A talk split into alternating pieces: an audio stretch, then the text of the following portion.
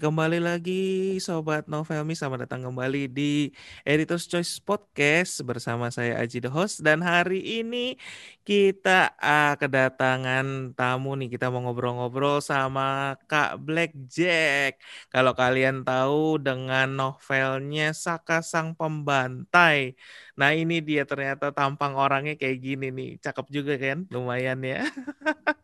Oke, kemarin itu si Kak Blackjack ini dengan novelnya Saka Sang Pembantai masuk ranking 2 loh untuk uh, Mailbook ya. Mailbook Arena ya Kak ya? Bener ya? Untuk Mailbook iya, Arena. Ya, Arena. Untuk untuk juara musiman dan juara bulan Desember. Nah, hari ini kita mau ngobrol-ngobrol ya. sama Kak Blackjack ini kita mau kupas mengenai novel Saka Sang Pembantai nih kira. Kayaknya udah ada ada apa namanya ada satu apa kekerenan gitu. Waduh apa nih kayak model-model kayak mafia-mafia gitu ya, kayak preman-preman. Mungkin yang pertama uh, Kak Blackjack uh, eh pertama-tama kita tanya dulu nih apa kabar nih sekarang nih? Baik baik ini kak keringetan panas banget nih panik tadi panik bener mungkin mungkin yang yang baru dengerin ini sebenarnya kita baru live setelah sekian lama karena ada masalah teknis jadi dari tadi ini kita ngurusin masalah teknis Oke, kalau uh, novel kakak nih yang berjudul uh, Saka Sang Pembantai itu sebenarnya bercerita tentang apa sih kak? Nah kalau genrenya itu tentang apa sih sebenarnya Saka Sang Pembantai ini? Kalau genrenya itu kan anu, uh, masuknya ke satria ya. Itu hmm. Saka Sang Pembantai sendiri uh, kelanjutan dari novel pertama saya di Novelmi. Itu judulnya Pendekar Naga Iblis ya. Jadi masih ada kesinambungan gitu. Kalau yang di Saka Sang Pembantai itu menceritakan kisah Saka yang uh, dia berpetualang ke Jepang gitu ya. Kalau sebelumnya di Naga Iblis dia masih di Jawa terus kemudian pindah ke negeri tirai bambu terus kemudian yang di Saka sang pembantai awalannya dia berkisah uh, ketika dia anu mengalami kecelakaan sebenarnya. Tubuhnya menjadi kecil tapi dia itu ya umurnya segitu dia udah dewasa cuman tubuhnya kecil gitu kan. Nah dia berjuang kemudian kan berjuang gimana tubuhnya bisa kembali. Setelah itu dia berpetualang di sana belajar menjadi samurai kemudian sempat juga belajar menjadi shinobi sampai uh, akhirnya dia mendapatkan kekuatannya kembali dan tubuhnya kembali besar itu kan. Nah, setelah itu dia balik ke Cina, terus kemudian pulang ke Jawa. Gitu. Garis besarnya seperti itu sih kak. Kalau ceritanya sendiri, si Saka ini dia kan pendekar aliran hitam tuh. Tapi biasanya kan kalau pendekar aliran hitam dijadiin musuh gitu kan.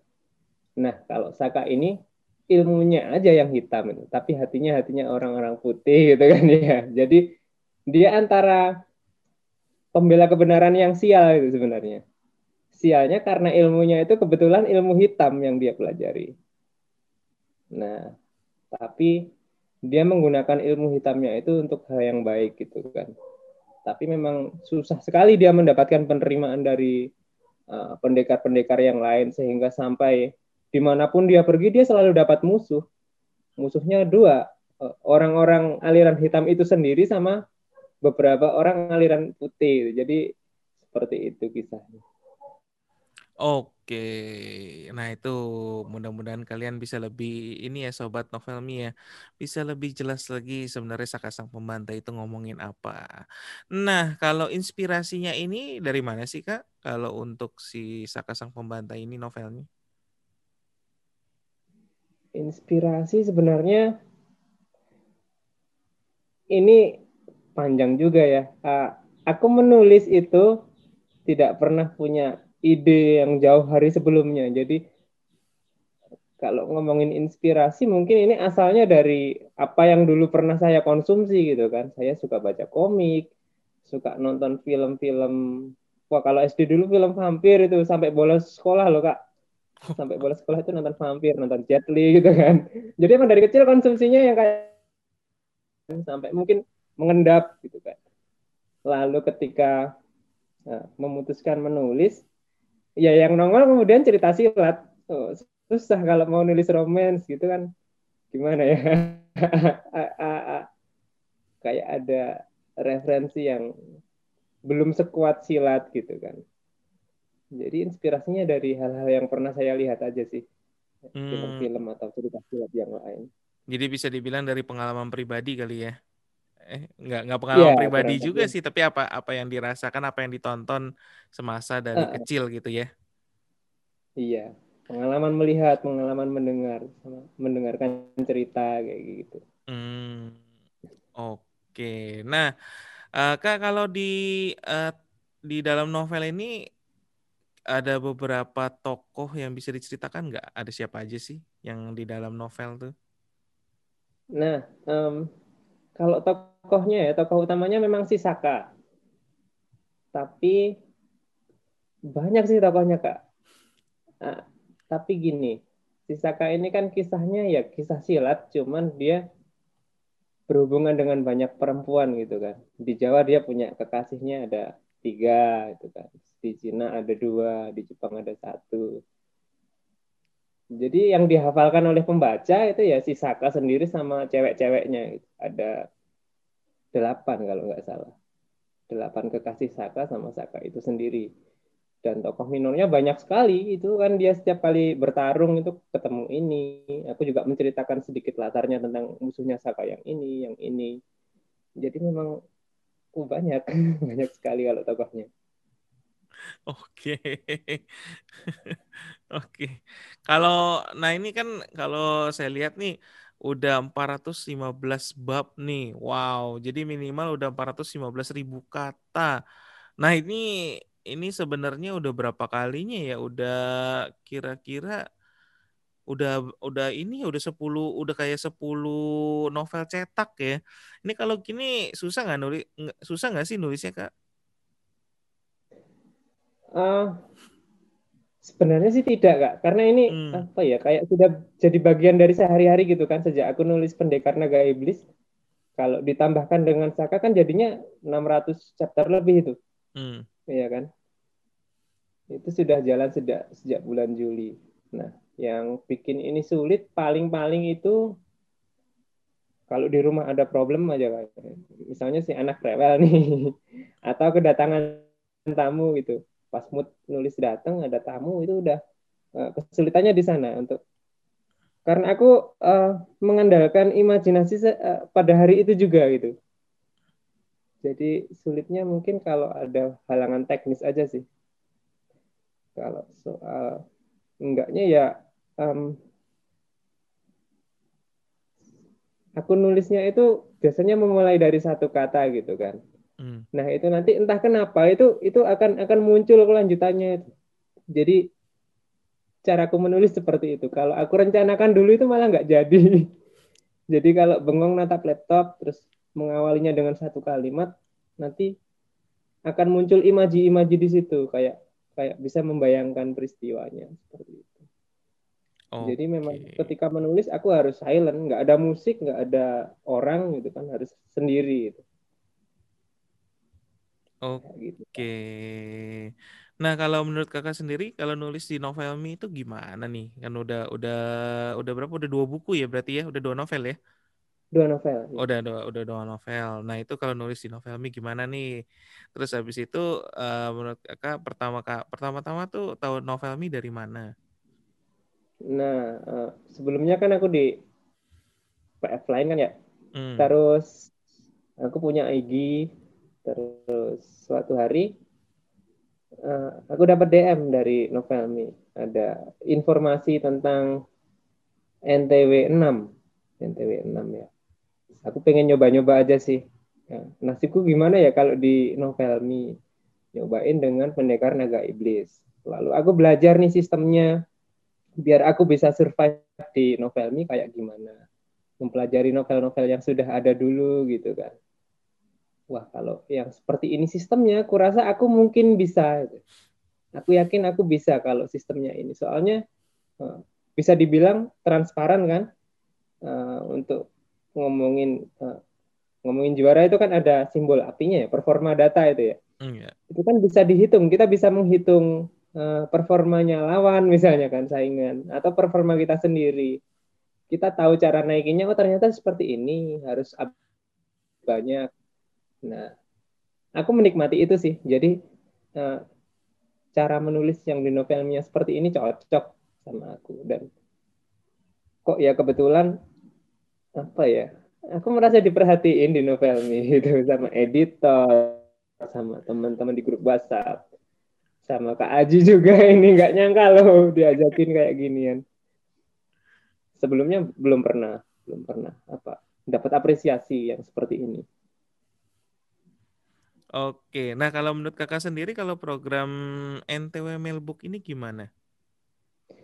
NTW Mailbook Kupikir ini program yang paling menguntungkan sebenarnya buat author ya. Menguntungkannya kenapa? Karena kalau kita ikut mailbook, otomatis kan kita ikut NTW General tuh. Hmm. Nah, kalau misalnya kita menang di NTW Generalnya, otomatis mailbooknya pasti menang. Oh, nah, Oke. Okay. Hadiahnya double dong. gitu. Bedanya sama inovasi, mirip, cuman beda hadiah aja sih ya. Jumlah hadiahnya aja yang beda. Kan kalau kalau kalau innovation kan apa uh, genrenya kan mesti mesti beda tuh. Betul sekali. Uh, nulis genrenya. Oke, nah kalau misalnya beda sama yang uh, uh, yang kakak udah tahu tuh apa bedanya? Mungkin kakak kakak pernah ikut pernah ikut kompetisi lain gak sih sebelumnya? Pernah di karya pertamaku yang di platform lain itu pernah ikut kompetisi tapi ya nggak bisa dapat juara dan aku tidak tahu di mana rankingku di hari ini gitu kan aku hmm. tidak tahu hmm. penilaian karya menang itu berdasarkan apa itu tidak pernah tahu tapi oh. kalau di oh. novel ini kan jelas ya udah pokoknya pembacanya banyak yang buka bab peluang menangnya besar gitu kan kalau di yang sebelumnya aku ikut itu ya katanya sih ada juri berdasarkan performa data hmm. terlalu banyak varian yang aku sendiri tidak tahu yang dipakai yang mana itu kan. Hmm. Jadi mau ngejar juga caranya gimana nggak ngerti. Harus seperti apa menuliskannya gitu kan. Sama sekali nggak punya strategi. Kalau di novel ini bisa lebih ini ya, bisa lebih strategi ya. Ada ngatur strategi. Iya, ada ada strategi yang aku dapat dari teman-teman penulis lain dan aku juga bisa sharing ke mereka yang baru-baru gitu kan. Strateginya cuma ini kok sederhana kalau mau kerja keras ya pasti ada hasilnya yakin. Nah, strategi jangan disebut dulu. Nanti yang lain mesti mesti join dulu.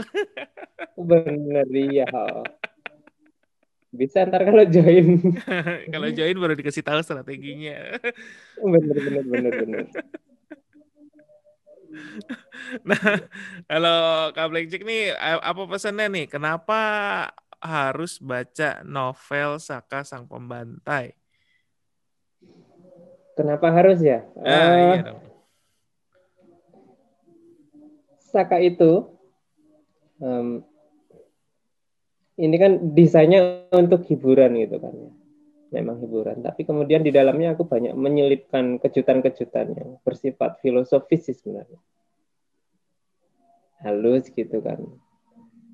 Kalau kata kata pembacaku yang sudah ikut uh, mengikuti Saka sejak awal itu mereka nggak bisa nyaman loh satu hari kalau aku nggak update gitu kan nagih-nagih sampai di IG aku tidak tahu kenapa mereka sampai segitunya. Ya mungkin karena menarik ya mungkin bagi mereka ya. Um, sampai aku mau tamatkan di bulan ini nggak boleh kak. Jadi gimana? Aku aku harus bilang Saka ini menarik banget. Aku takut kepedean, tapi kenyataannya begitu. Bisa yeah. dibaca di kolom komentar tuh. Oh. Iya. Yeah. lebih lebih ke apa namanya? Lebih ke ya lihat-lihat aja komentar dari orang orang lain lah ya. Iya, yeah, benar. Kalau komentar buruk pasti mereka marahnya satu hal, minta aku update-nya banyak. Oh, oke. Okay. Update-nya kurang. Iya benar. Jadi, jadi komentar langsung berbicara aja, komentar berbicara. Kalau masih penasaran, kalian para sobat Novelmi harus langsung baca novelnya, langsung cari di aplikasi Novelmi Saka Sang Pembantai. Tuh. Makanya jangan lupa harus dibaca. Nah, untuk selanjutnya nih Kak, apakah ada rencana untuk membuat novel lain? Ada sih. Uh, gini, jadi setelah Saka akan kutamatkan kan pada akhirnya aku juga bilang ke pembaca gitu kan mereka nuntut pokoknya aku nggak boleh libur dari novel mi itu kan. What? aku harus nulis apa pun pokoknya apa pun yang aku tulis mereka mau baca gitu katanya. Gitu. Jadi aku memang harus menulis lagi ya. Uh, mungkin genre yang sama kesatria dan juga cerita yang sama hanya di diubah-ubah sedikit strateginya biar bisa menjaring pembaca baru yang lebih yang mungkin belum terlalu nyaman dengan genre silat yang penulisannya seperti Saka itu kan jadi harus diolah lagi. Ya itu masih sedang difikirkan sih itu. Nanti bagaimana. Oke, jadi jangan lupa ya komentar sih disuruh. Kak Kak Blackjack ayo disambung lagi. uh, kalau para sobat Novelmi yang mau ada ide cerita tambahan atau ide cerita yang lain bisa juga nyumbang ke Kak Blackjack. Jadi langsung komentar di bagian komentarnya di Saka Sang Pembantai bisa. Atau kalau enggak bisa ngubungin di mana Kak? Kakak ada IG ada atau ada di IG media sosial lain? Uh -huh. Kalau IG-nya apa Kak? underscore DNP. Blackjack ah. underscore DNP. Nah, itu dia ya, sobat Novelmi. Jadi kalau mau menghubungi bisa komentar di bagian uh, kolom komentar di novelnya Kak Blackjack. Jadi kalau bisa nyari tuh kalau kalau di Novelmi apa sih Blackjack ya? Atau Black underscore Jack apa Black, Black, Jack, Black Jack ya? Jadi Black spasi Jack gitu ya. Spasi Jack. Ya, Black. Jadi cari aja Black Jack. Kalau enggak cari novelnya Saka Sang Pembantai. Kalau enggak da, bisa juga hubungin lewat Instagramnya yaitu Blackjack disambung Blackjack underscore DNB. Betul ya kak ya? Oke. Okay. Nah, kakak ada kesan-pesan lain nggak yang mau disampaikan untuk para pendengar novel mini? Apa ya kak pesannya ya kak? Aduh pemalu aku sebenarnya. Jadi kalau nulis pede, tapi kalau di depan kamera itu begini deh. Seperti ini. Apa ya pesannya ya? Ya mungkin sama kayak ini ininya novel nih. Usaha nggak akan mengkhianati hasil kan. Okay. Buat para penulis kalau itu. Oh, buat para penulis. Kalau buat para pembaca jangan lupa kasih hadiah pembaca ya kak. jangan keras-keras kak malu. jangan lupa mampir. Oke, jadi sobat novelmi jangan lupa mampir ke bisa cari langsung Black Spasi Jack, Black Jack atau bisa juga langsung cari novelnya yaitu adalah Saka Sang Pembantai. Jangan lupa tuh sudah 400-an bab. Puas banget bacanya pasti. Oke. Terima kasih Kak Blackjack sudah mau ikutan interview nih. Nanti kita kapan-kapan interview lagi ya. Mungkin bakal ngadain AMA gitu, Ask Me Anything. Dari pembaca-pembaca novel Me.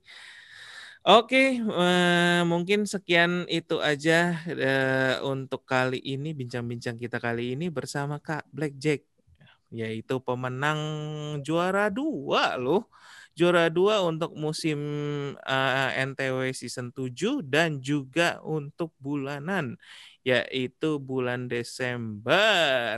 Oke, terima kasih Kak Blackjack waktunya, terima kasih. Sampai jumpa. Terima kasih Kak Haji. Ya. Sampai jumpa di Editor's Choice Podcast berikutnya.